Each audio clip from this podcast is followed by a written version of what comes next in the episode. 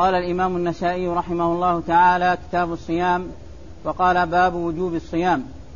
وقال حدثنا علي بن حجر قال حدثنا إسماعيل وهو ابن جعفر قال حدثنا أبو سهيل عن أبيه عن طلحة بن عبيد الله رضي الله تعالى عنه أن أعرابيا جاء إلى رسول الله صلى الله عليه وسلم ثائر الرأس فقال يا رسول الله أخبرني ماذا فرض الله علي من الصلاة؟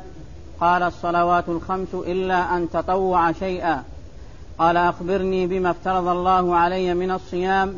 قال صيام شهر رمضان إلا أن تطوع شيئا. قال أخبرني بما افترض الله علي من الزكاة فأخبره رسول الله صلى الله عليه وسلم بشرائع الإسلام فقال والذي أكرمك لا أتطوع شيئا لا أنقص مما فرض الله علي شيئا فقال رسول الله صلى الله عليه وسلم أفلح إن صدق أو دخل الجنة إن صدق. بسم الله الرحمن الرحيم. الحمد لله رب العالمين وصلى الله وسلم وبارك على عبده ورسوله نبينا محمد وعلى آله وأصحابه أجمعين. أما بعد يقول النسائي رحمه الله كتاب الصيام باب وجوب الصوم.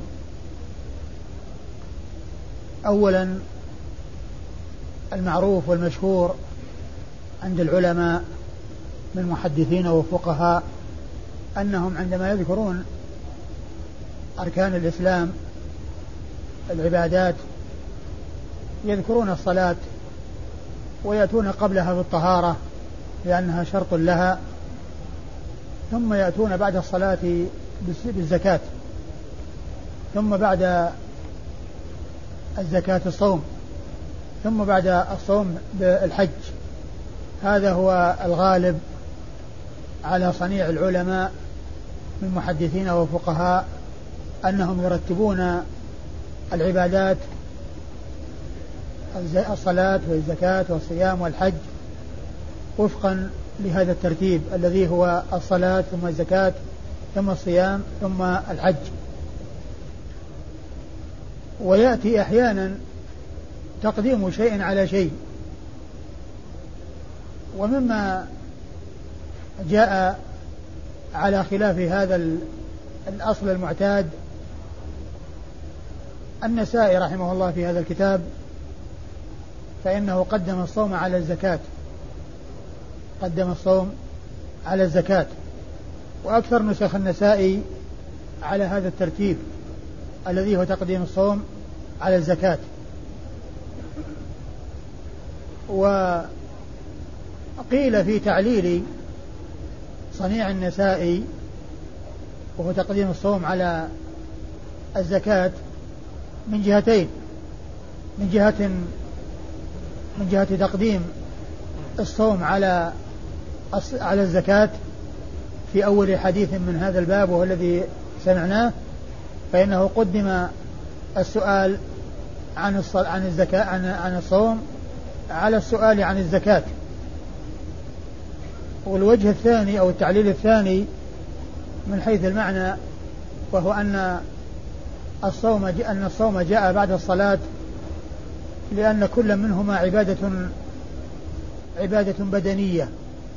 فالصلاة عبادة بدنية والصوم عبادة بدنية. وأما الزكاة فهي عبادة مالية. عبادة مالية تؤخذ من من أموال من الأغنياء وتعطى للفقراء. والأصل المعروف أو الغالب في الاستعمال وهو تقديم الصلاة تقديم الزكاة على الصوم وأنها تلي الصلاة من جهة أنه جاء في كثير من الأحاديث تقديم الزكاة على الصوم بل قد جاء في القرآن الكريم وفي السنة المطهرة الجمع بين الصلاة والزكاة. وأنها عندما تذكر الصلاة تقرن بالصلاة تقرن بها الزكاة.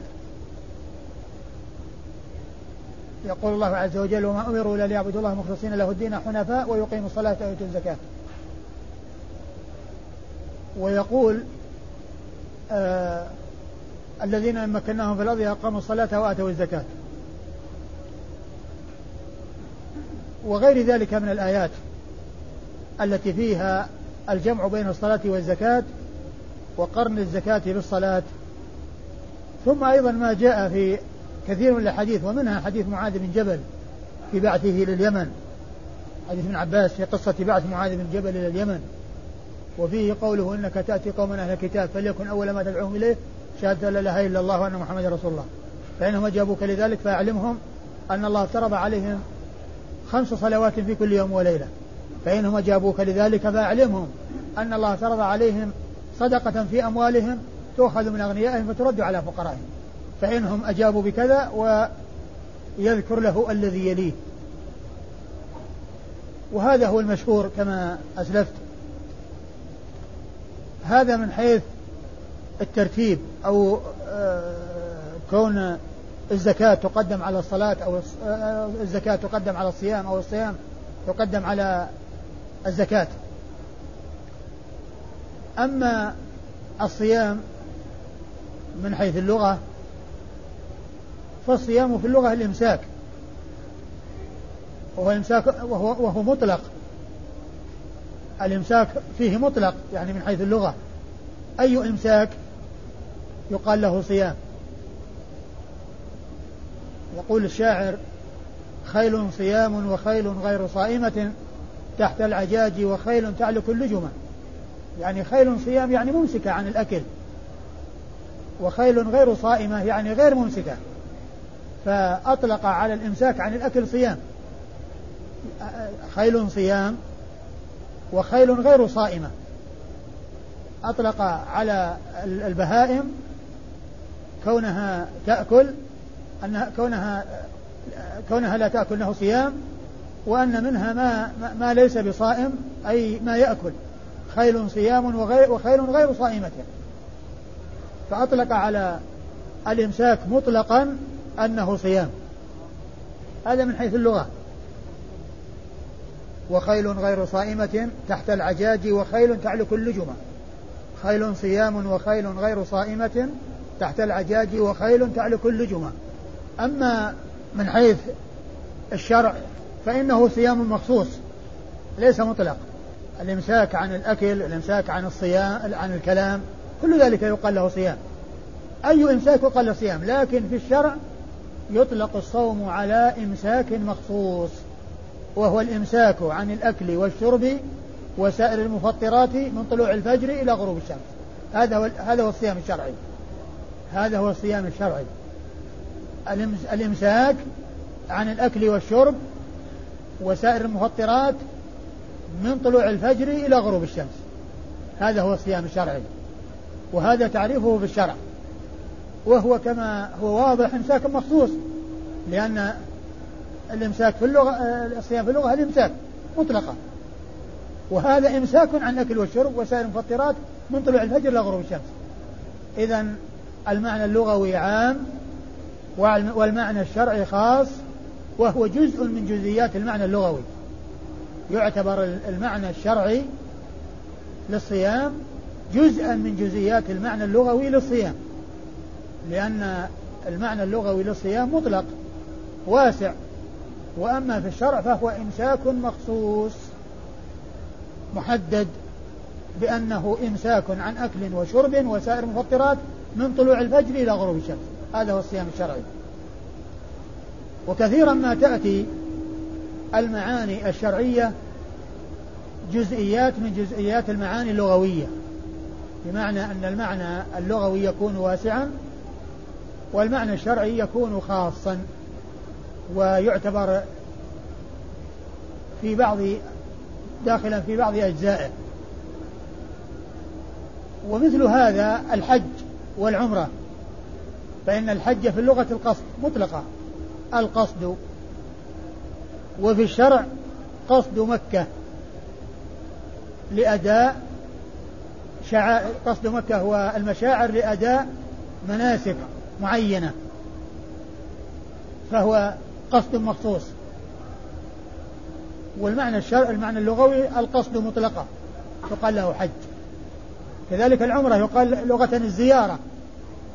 الزيارة مطلقة. وأما في الشرع فهي زيارة الكعبة أو زيارة البيت العتيق والطواف فيه والسعي بين الصفا والمروة. زيارة البيت العتيق لأداء نسك مخصوص. إذا هو جزء من جزئيات المعنى اللغوي. جزء من جزئيات المعنى اللغوي. فالمعاني الشرعية تأتي خاصة والمعاني اللغوية تأتي عامة وهذا في الغالب. هذا فيما يتعلق بتعريف الصيام لغة وشرعا. أما من حيث حكم الصيام فهو فرض فرضه الله عز وجل على عباده وهو شهر واحد في السنة وهو شهر رمضان الذي أنزل فيه القرآن فإن الله تعالى افترض صيامه وسن النبي الكريم صلى الله عليه وسلم قيامه. فهو أحد أركان الإسلام الخمسة التي بني عليها الدين الحنيف وقد جاء ذلك مبينا في أحاديث كثيرة منها حديث جبريل المشهور لما جاء إلى النبي عليه الصلاة والسلام في صورة رجل وقال يا محمد أخبرني عن الإسلام. فقال أن تشهد أن لا إله إلا الله وأن محمد رسول الله وتقيم الصلاة وتؤتي الزكاة وتصوم رمضان وتحج البيت إن استطعت إليه سبيلا. وكذلك في حديث ابن عمر بني الإسلام على خمس شهادة أن لا إله إلا الله وأن محمد رسول الله وإقام الصلاة وإيتاء الزكاة وحج البيت وصوم رمضان. فهو فصيام رمضان أحد أركان الإسلام الخمسة التي بني عليها هذا الدين الحنيف. وقد فرض الصيام في السنة الثانية من الهجرة. وصام النبي صلى الله عليه وسلم تسعة رمضانات. صام عليه الصلاة والسلام تسعة رمضانات. لأنه فرض في السنة الثانية وتوفي عليه الصلاة والسلام في أوائل السنة الحادية عشرة. فكان فكانت السنوات التي صام فيها تسع سنوات فصام تسعة تسعة رمضانات صلوات الله وسلامه وبركاته عليه. النسائي رحمه الله أورد هذه الترجمة ووجوب الصيام. ثم أورد عدة أحاديث تتعلق بهذا وهي مشتملة على ما يدل على أنه فرض وأنه واجب.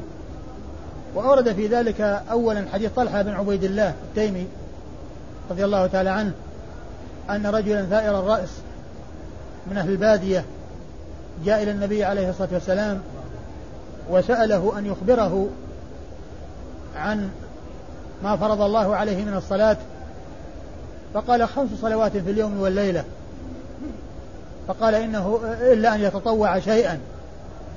يعني ليس هناك شيء وراء هذه الخمس مفروض إلا التطوع. وسأله عن الصيام فأخبره بأنه شهر واحد في السنة وأنه رمضان وأنه ليس عليه شيء إلا أن يتطوع بعد ذلك وسأله عن الزكاة فأخبره بشرائع الإسلام وقال إنه يعني لا يزيد على ذلك ولا ينقص. فلما أدبر قال النبي عليه الصلاة والسلام أفلح إن صدق أو دخل الجنة إن صدق لأنه أدى ما عليه أو قام بما فرضه الله عليه وأوجب عليه من الصلاة والزكاة والصيام. فالحديث واضح الدلالة على الترجمة من حيث الوجوب لأنه سأل عما افترض الله عليه وعما أوجب عليه من الصيام فأخبره بذلك. تقرأ المتن؟ نعم. عن عن طلحه بن عبيد الله رضي الله تعالى عنه أن اعرابيا جاء إلى رسول الله صلى الله عليه وسلم ثائر الرأس فقال يا رسول الله أخبرني ماذا فرض الله علي من الصلاة؟ قال الصلوات الخمس إلا أن تطوع شيئا. قال أخبرني بما افترض الله علي من الصيام. قال صيام شهر رمضان إلا أن تطوع شيئا. قال أخبرني بما افترض الله علي من الزكاة. فأخبره رسول الله صلى الله عليه وسلم بشرائع الإسلام فقال والذي أكرمك لا أتطوع شيئا لا أنقص مما فرض الله علي شيئا. فقال رسول الله صلى الله عليه وسلم أفلح إن صدق أو دخل الجنة إن صدق. والحديث واضح الدلالة من حيث أنه قال افترض الله علي. يعني الترجمة هي وجوب الصيام وجوب الصيام وفيه ذكر الافتراض.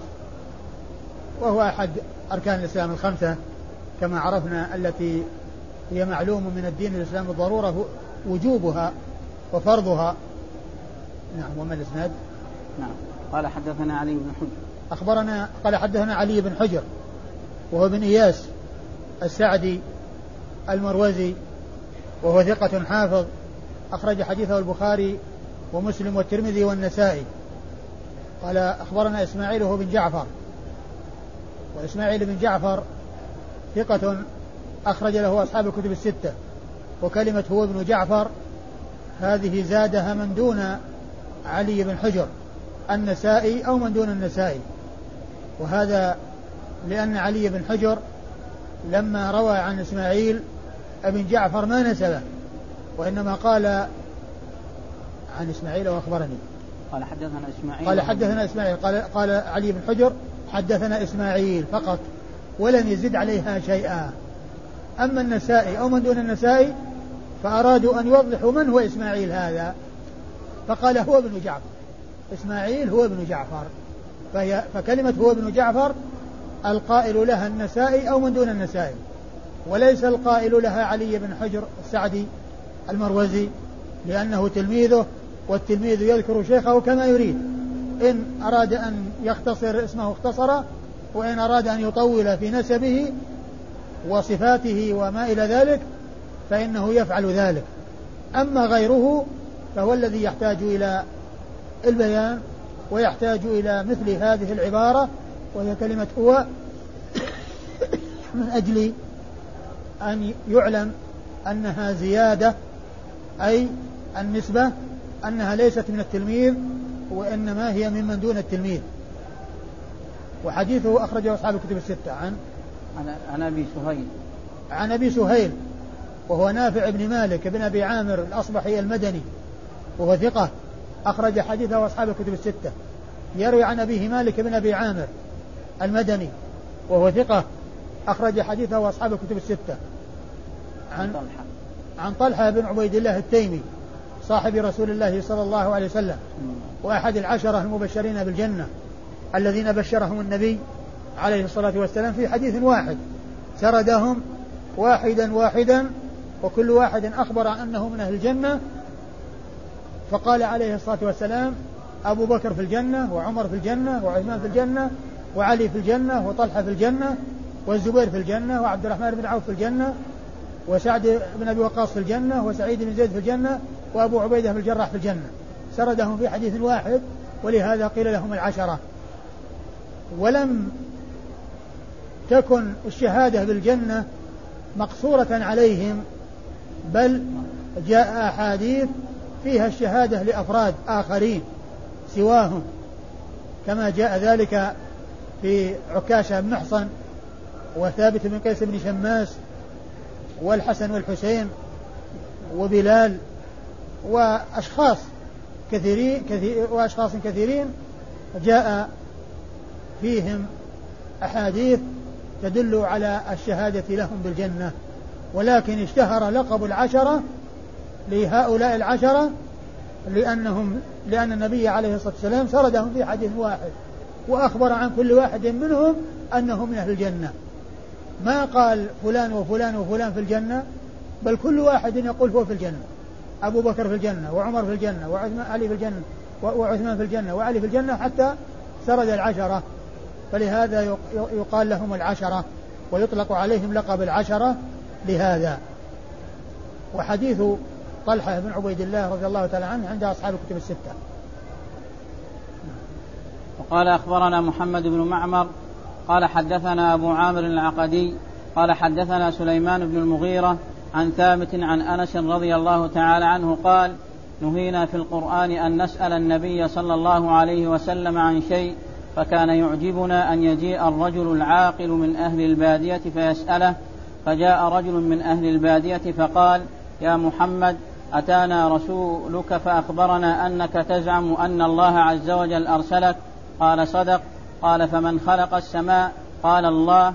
قال فمن خلق الأرض قال الله. قال فمن نصب فيها الجبال قال الله. قال فمن جعل فيها المنافع قال الله. قال فبالذي خلق السماء والأرض ونصب فيها الجبال وجعل فيها المنافع آه الله أرسلك. قال نعم. قال وزعم رسولك أن علينا خمس صلوات في كل يوم وليلة. قال صدق. قال فبالذي أرسلك آه الله أمرك بهذا؟ قال نعم. قال وزعم رسولك أن علينا زكاة أموالنا؟ قال صدق. قال فبالذي أرسلك آه الله أمرك بهذا؟ قال نعم. قال وزعم رسولك أن علينا صوم شهر رمضان في كل سنة؟ قال صدق. قال فبالذي أرسلك آه الله أمرك بهذا؟ قال نعم. قال وزعم رسولك أن علينا الحج من استطاع إليه سبيلا؟ قال صدق. قال فبالذي أرسلك؟ آه الله أمرك بهذا. قال نعم. قال فوالذي بعثك بالحق؟ لا أزيدن عليهن شيئا ولا أنقص. فلما ولى قال النبي صلى الله عليه وسلم لئن صدق ليدخلن الجنة. من صحابي؟ نعم صحابي. صحابي أنس ثم ورد النسائي حديث أنس بن مالك رضي الله عنه. في قصة الرجل الذي جاء إلى النبي عليه الصلاة والسلام وسأله أو أخبره بأن رسوله أخبرهم بشرائع الإسلام بالصلاة والزكاة والصيام والحج. وجاء إلى النبي عليه الصلاة والسلام ويريد أن يأخذ منه وأن يتعلم منه وأن يتحقق وأن يتأكد من هذه الفرائض.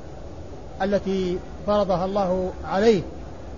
والمقصود من ذلك زيادة التثبت وزيادة التحقق.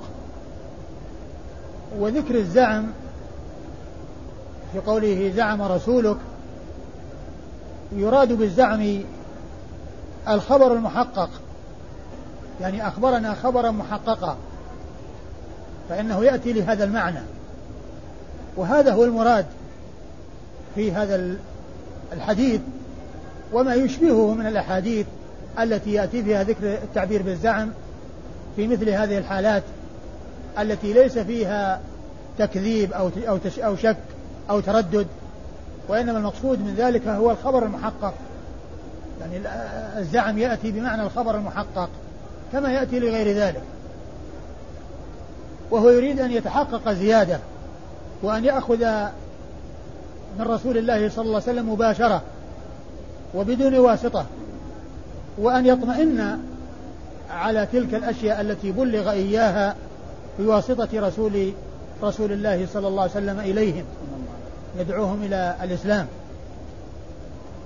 وكان أن ذكر الصلاة ثم ذكر الزكاة ثم ذكر الصيام ثم ذكر الحج.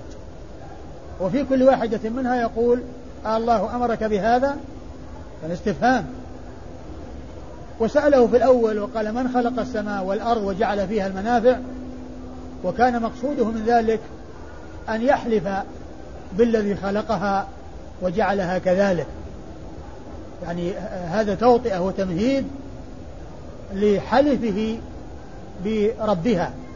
الذي خلق السماوات وخلق الأرض وجعل فيها المنافع. يعني يسأله يعني بي عن هذه الأسئلة. يحلف بالله ويتحقق أن الله تعالى أمره بهذه الأشياء. ثم إن في الحديث نفسه دلالة على قبول خبر الواحد وعلى العمل به في العبادات والعقائد مطلقة. وهنا جاء في العبادات. في أصول الدين في في أصول أصول الإسلام. الأربعة التي هي الصلاة والزكاة والصيام والحج. وقد بلغهم رسول رسول الله صلى الله عليه وسلم هذه الأمور. بل جاء في بعض الأحاديث أن رسل رسول الله صلى الله عليه وسلم يبلغون التوحيد ويبلغون الإيمان. ويبلغون الشهادتين. كما جاء ذلك في حديث معاذ بن جبل إنك تأتي قوما أهل كتاب فليكن أول ما تدعوهم إلى شهادة لا إله إلا الله وأن محمد رسول الله. فإنهم أجابوك لذلك فأعلمهم أن الله افترض عليهم خمس صلوات في كل يوم وليلة فإنهم أجابوك لذلك فأعلمهم أنه افترض عليهم صدقة في أموالهم تؤخذ من أغنيائهم وترد على فقرائهم.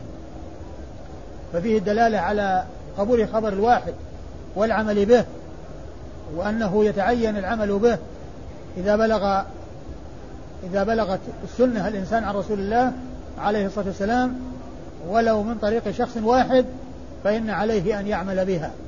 وهذا هو الذي جاءت به الأحاديث الكثيرة عن رسول الله صلى الله عليه وسلم. ومنها قوله عليه الصلاة والسلام نظر الله امرأ سمع مقالتي فوعاها وأداها كما سمعها فرب مبلغ أو عام سامع ورب حامل فقه إلا من وفق منه. فإنه يدخل فيه الشخص الواحد الذي يسمع حديثا ثم يبلغه. الحاصل أن العمى أن حديث الوا... أن خبر الواحد تقوم به الحجة ويجب العمل بمقتضاه في العقائد والعبادات والمعاملات وفي سائر أمور الدين. هذا هو الذي دلت عليه الأحاديث الكثيرة الثابتة عن النبي الكريم صلى الله عليه وسلم. تعيد الحديث نعم. عن أنس رضي الله تعالى عنه قال نهينا في القرآن أن نسأل النبي صلى الله عليه وسلم عن شيء. يعني يقصد بذلك قول الله عز وجل يا أيها الذين لا تسألوا عن اشياء تبدى لكم تسؤكم وإن تسألوا عنها حين ينزل القرآن تبدى لكم. عفى الله عنها. عفى الله عنها. فإن هذا هو المقصود بهذه المقصود في القرآن هذه الآية. قال فكان يعجبنا أن يجيء الرجل العاقل من أهل البادية فيسأله. كان يعجبهم يتمنون أن يأتي الرجل العاقل من أهل البادية ليسأله. ووصف بالعقل لأنه يسأل الأسئلة ذات الأهمية التي آه، يستفيدون من إجابة النبي عليه الصلاة والسلام عليها. نعم. فجاء رجل من أهل البادية فقال يا محمد أتانا رسولك فأخبرنا أنك تزعم أن الله عز وجل أرسلك. قال صدق. قال فمن خلق السماء؟ قال الله.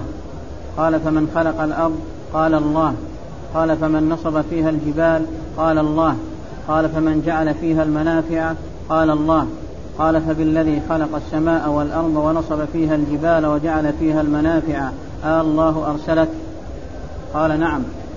قال وزعم رسولك أن علينا خمس صلوات في كل يوم وليلة. قال صدق.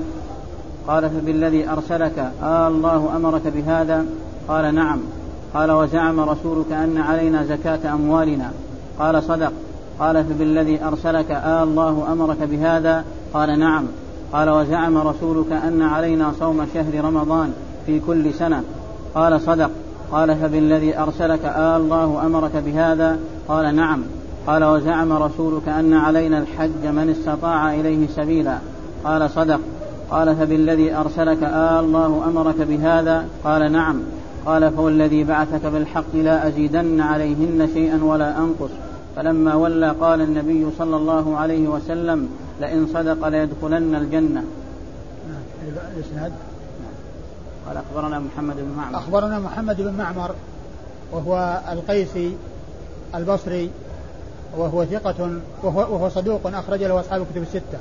صدوق أخرج له أصحاب الكتب الستة. قال حدثنا أبو عامر العقدي. قال حدثنا أبو عامر العقدي وهو عبد الملك بن عمرو البصري وهو ثقة أخرج له أصحاب الكتب الستة. قال حدثنا سليمان قال حدثنا سليمان بن المغيرة وهو البصري أيضا وهو ثقة أخرج له أصحاب الكتب. نعم. وهو ثقة أخرج له أصحاب الكتب الستة. نعم. عن ثابت عن أنس. عن ثابت بن أسلم البناني البصري وهو ثقة أخرج له أصحاب الكتب الستة. عن أنس بن مالك صاحب رسول الله عليه الصلاة والسلام وخادمه وأحد السبعة المعروفين بكثرة الحديث عن النبي عليه الصلاة والسلام. نعم. وقال أخبرنا عيسى بن حماد عن الليث عن سعيد عن شريك بن أبي نمر أنه سمع أنس بن مالك رضي الله تعالى عنه يقول بينا نحن جلوس في المسجد جاء رجل على جمل فأناخه في المسجد ثم عقله فقال لهم أيكم محمد؟ ورسول الله صلى الله عليه وسلم متكئ بين ظهرانيهم. قلنا له هذا الرجل الأبيض المتكئ. فقال له الرجل يا ابن عبد المطلب.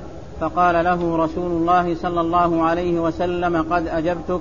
فقال الرجل إني سائلك يا محمد فمشدد عليك في المسألة. فلا تجدن في نفسك. قال سل ما بدا لك. فقال الرجل نشدتك بربك ورب من قبلك. الله, الله أرسلك إلى الناس كلهم. فقال رسول الله صلى الله عليه وسلم اللهم نعم. قال فأنشدك الله. آه الله أمرك أن تصلي الصلوات الخمس في اليوم والليلة. قال رسول الله صلى الله عليه وسلم اللهم نعم. قال فأنشدك الله. آه الله أمرك أن تصوم هذا الشهر من السنة. قال رسول الله صلى الله عليه وسلم. اللهم نعم. أن تصوم هذا الشهر. نعم. قال أنشدك الله. آه الله أمرك أن تصوم هذا الشهر من السنة. قال رسول الله صلى الله عليه وسلم. اللهم نعم. قال فأنشدك الله. آه الله أمرك أن تأخذ هذه الصدقة من أغنيائنا فتقسمها على فقرائنا. فقال رسول الله صلى الله عليه وسلم اللهم نعم. فقال الرجل آمنت بما جئت به وأنا رسول من وراء وأنا رسول من ورائي من قومي وأنا ضمام بن ثعلبة أخو بني سعد بن بكر. خالفه يعقوب بن إبراهيم. ثم ورد النسائي هذا الحديث. عن انس بن مالك رضي الله عنه في قصة ضمام بن ثعلبة الذي جاء إلى النبي عليه الصلاة والسلام وناخ بعيره وعقله وجاء إلى النبي عليه الصلاة والسلام وسأله هذه الأسئلة وأجابه النبي عليه الصلاة والسلام عليها وأن الله تعالى أمره بهذه الشرائع التي هي الصلاة والزكاة والصيام وعند ذلك أخبر هذا هذا الصحابي الذي هو ضمام بن ثعلبة بأنه آمن به وبما جاء به ويمكن أن يكون هذا آه، إخبار عن إيمانه وأنه مؤمن من قبل ذلك ويحتمل أن يكون إنشاء و ويحتمل أن يكون إنشاء. والذي يظهر أنه أنه إخبار. وأنه قال ذلك تأكيدا وليس أنه دخل في الإسلام. يعني آه، من الآن وأنه ما حصل منه الإيمان إلا في هذه اللحظة. وإن كان ذلك محتملا إلا أن الأقرب أنه كان مؤمنا من قبل ولكنه آه، سأل هذه الأسئلة من أجل التحقق ومن أجل التلقي من النبي صلى الله عليه وسلم مباشرة وبدون واسطة. ثم جاء في آخر الحديث أنه قال أنا رسول من ورائي. أنا رسول أنا رسولك إلى أنا أنا إيش؟ وأنا رسول من ورائي من قومي. أيوه. وأنا ضمام بن ثعلب أخو بني ثعلب أنا رسول من ورائي من قومي. يعني أنه آه، آه، جاء منهم وأنه سيرجع إليهم ويخبرهم بما تلقاه من رسول الله صلى الله عليه وسلم. وأخبر عن و و و وسمى نفسه وقال أنا ضمام بن ضمام بن ثعلبة. فالحديث دال على ما دلت عليه الأحاديث السابقة من جهة اشتماله على فرض الصيام وأنه مما افترضه الله سبحانه وتعالى. أيوه قال أخبرنا عيسى بن حماد. أخبرنا عيسى بن حماد وهو التجيبي المصري الملقب زغبة وحديثه أخرجه مسلم وأبو داود والنسائي وابن ماجه. عن الليث. عن الليث بن سعد المصري وهو ثقة فقيه أخرج حديثه أصحاب الكتب الستة. عن سعيد نعم. عن سعيد بن بن أبي سعيد المقبري وهو ثقة أخرج حديثه أصحاب الكتب الستة. عن أنس عن شريك بن عن شريك بن عبد الله بن أبي نمر. شريك بن عبد الله ابن أبي نمر وهو صدوق يخطئ وحديثه أخرجه البخاري ومسلم وأبو داود والترمذي في الشمائل والنسائي وابن ماجه. عن أنس. عن أنس وقد مر ذكره. نعم. وقال أخبرنا عبيد الله بن سعد بن ثم قال خالفه يعقوب بن إبراهيم. يعني بعدما فرغ من الحديث وذكر إسناده ومتنه قال خالفه يعقوب بن إبراهيم. آه ثم ذكر الطريقة التي فيها رواية يعقوب بن إبراهيم. ثم ذكر الحديث الذي يليه الطريق التي فيها رواية يعقوب بن إبراهيم. قال أخبرنا عبيد الله بن سعد بن إبراهيم من كتابه قال حدثنا عمي قال حدثنا الليث قال حدثنا ابن عجلان وغيره من إخواننا عن سعيد المقبوري عن شريك بن عبد الله بن أبي نمر أنه سمع أنس بن مالك رضي الله تعالى عنه يقول بينما نحن عند رسول الله صلى الله عليه وسلم جلوس في المسجد دخل رجل على جمل فأناخه في المسجد ثم عقله ثم قال أيكم محمد؟ وهو متكئ بين ظهرانيهم فقلنا له هذا الرجل الأبيض المتكئ؟ فقال له الرجل يا ابن عبد المطلب. فقال له رسول الله صلى الله عليه وسلم قد أجبتك. قال الرجل يا محمد إني سائلك فمشدد عليك في المسألة. قال سل عما بدا لك. قال أنشدك بربك ورب من قبلك. آه الله أرسلك إلى الناس كلهم. فقال رسول الله صلى الله عليه وسلم اللهم نعم.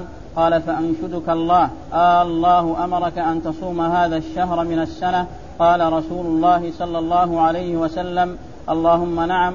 قال فأنشدك الله. آه الله أمرك أن تأخذ هذه الصدقة من أغنيائنا فتقسمها على فقرائنا. فقال رسول الله صلى الله عليه وسلم اللهم نعم. فقال الرجل إني آمنت بما جئت به وأنا رسول من ورائي من قومي وأنا ضمام بن ثعلبة أخو بني سعد بن بكر. خالفه عبيد الله بن عمر.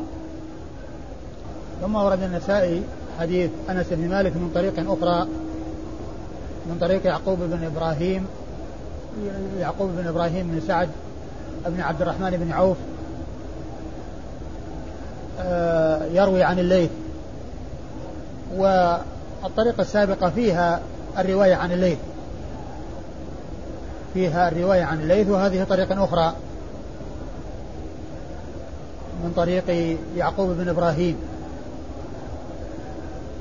والمتن هو مثل الذي قبله تقريبا.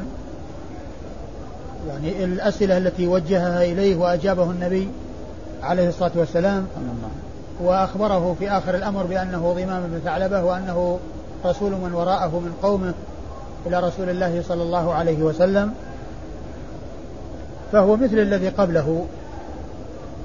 وفيه وفي الذي قبله ذكر إدخال البعير. في المسجد وعقله.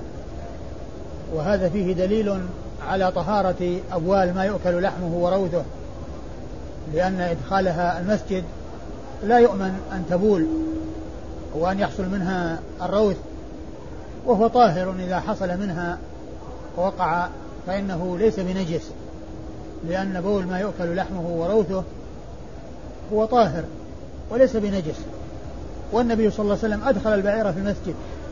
بل أدخله في المسجد الحرام وكان يطوف عليه طاف على بعير عليه الصلاة والسلام. وذلك دال على طهارة أبوالها وأرواثها وكذلك أمر أرشد الذين جاءوا العرانيين الذين جاءوا واستوبأوا المدينة فأمرهم أن يذهبوا إلى أبواب الصدقة ويشربوا من أبوالها من أبوالها وألبانها حتى صحوا ثم حصل منهم ما حصل من قتل الراعي وأخذ الإبل. الحاصل أن أرشدهم بأن يشربوا من أبوالها وهذا يدل على طهارتها وأنها ليست نجسة وأنها إذا وقعت على الثياب ووقعت في المسجد ووقعت في في بقعة أنها لا تتنجس بذلك لأنها طاهرة. فإدخال البعير في المسجد وكذلك إدخال النبي صلى الله عليه وسلم البعير في المسجد الحرام وطوافه عليه يدل على هذا. وكونه عقله يعني حتى لا يحصل منه تشويش واضطراب حيث لا يكون يعني معقولا فإنه قد يحصل منه ما لا يحصل قد يحصل منه ما يعني ما لا ينبغي مما فيه تشويش على الناس. قال أخبرنا عبيد الله بن سعد بن إبراهيم. أخبرنا عبيد الله بن سعد بن إبراهيم.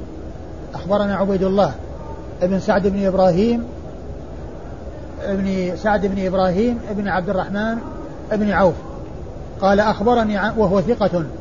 أخرج حديثه مسلم. نعم.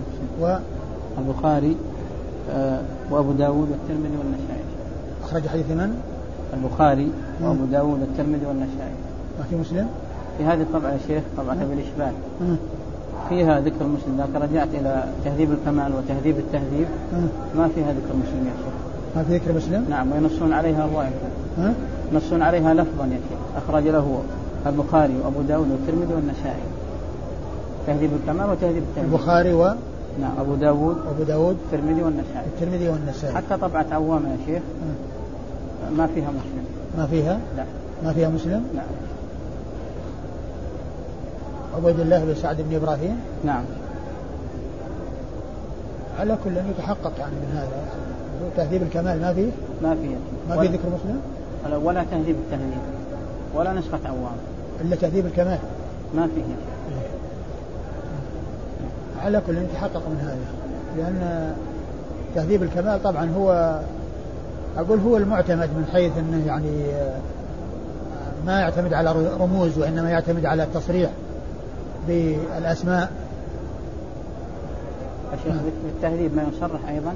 نعم. يصرح في التهذيب أيضا باسم لفظا يعني. تهذيب الكمال؟ لا. تهذيب التهذيب؟ نعم إلا. نعم. إلا يصرح أحيانا ب... إذا كان بالنسبة للشيوخ والتلاميذ. نعم صرح. نعم. نعم. أي نعم. يقول من كتابه يا شيخ. أيوه من كتابه. يعني أنه آه، حدث عنه من كتابه. أيوه. قال حدثنا عمي. قال حدثني عمي وهو يعقوب بن إبراهيم الذي جاء ذكره. في آخر الحديث الذي قبل هذا. خالفه يعقوب بن إبراهيم هو عمه. حيث قال عبيد الله بن سعد بن إبراهيم يحدث عن عمه يعقوب بن إبراهيم أخو سعد. لأن ذاك عبيد الله بن سعد بن إبراهيم. وهذا يعقوب بن إبراهيم الذي هو عم عبيد الله. ولذا قال عمي أي يعقوب بن إبراهيم. وهو الذي جاء في آخر الحديث الذي قبل هذا. وهو ثقة أخرج حديثه أصحاب الكتب الستة. عن الليث. عن أبيه عن أبيه لا شيخ عن الليث. عن الليث. عن الليث بن سعد وقد مر ذكره. قال حدثنا ابن عجلان وغيره. قال حدثنا ابن عجلان وغيره من إخواننا. ابن عجلان هو محمد بن عجلان المدني وهو صدوق أخرج حديث البخاري تعليقا ومسلم وأصحاب السنة الأربعة. عن سعيد المقبوري.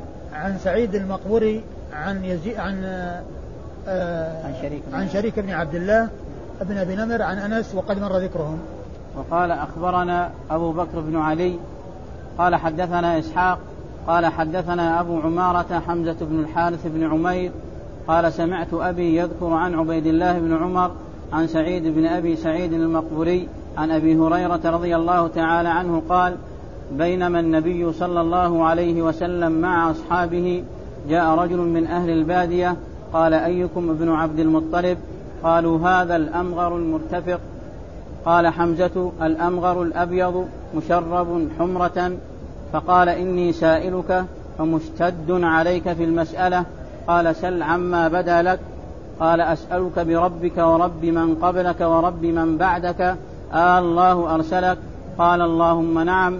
قال فأنشدك به. آه الله أمرك أن تصلي خمس صلوات في كل يوم وليلة. قال اللهم نعم. قال فأنشدك به. آه الله أمرك أن تأخذ من أموال أغ... أن تأخذ من أموال أغنيائنا. أيوة. أن تأخذ من أموال أغنيائنا فترده على فقرائنا.